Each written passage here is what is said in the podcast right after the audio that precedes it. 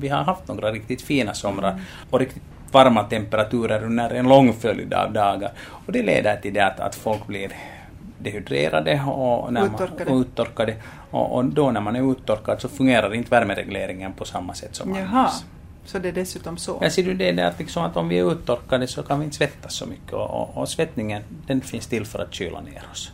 Så att om det inte finns någonting att svettas ut så då blir vi varma och hetare än vad vi egentligen kan ta hand om så att säga. Så att om vi jobbar ute och inte, inte fyller på med vätska när vi svettas så tar till slut svettningen slut och, och kroppstemperaturen stiger för högt.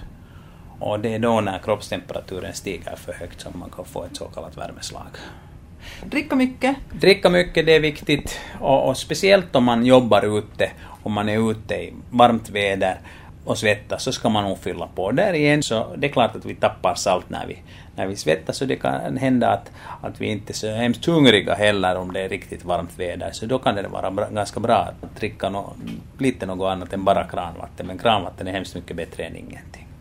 Men, men att, att kranvatten är alldeles tillräckligt bra om man äter någonting. För att i maten så finns det salt där.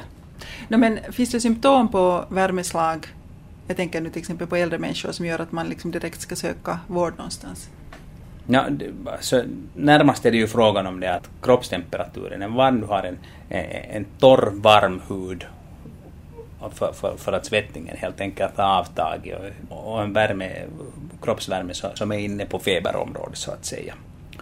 Och ett påverkat allmänt tillstånd. Också fast man inte har ha, ha jobbat aktivt ute i solen utan kanske bara varit inne i, i väldigt varma utrymmen och, och, inte fått i sig tillräckligt mycket vätska så kan det bli en sån här värmeslagsliknande effekt utan att man varit utsatt för direkt solsken. Och kan det vara direkt farligt eller ja, man... Ja, det kan vara direkt farligt. Så att liksom, om man har en sån situation att allmäntillståndet är nedsatt då, så då lönar det sig att söka vård.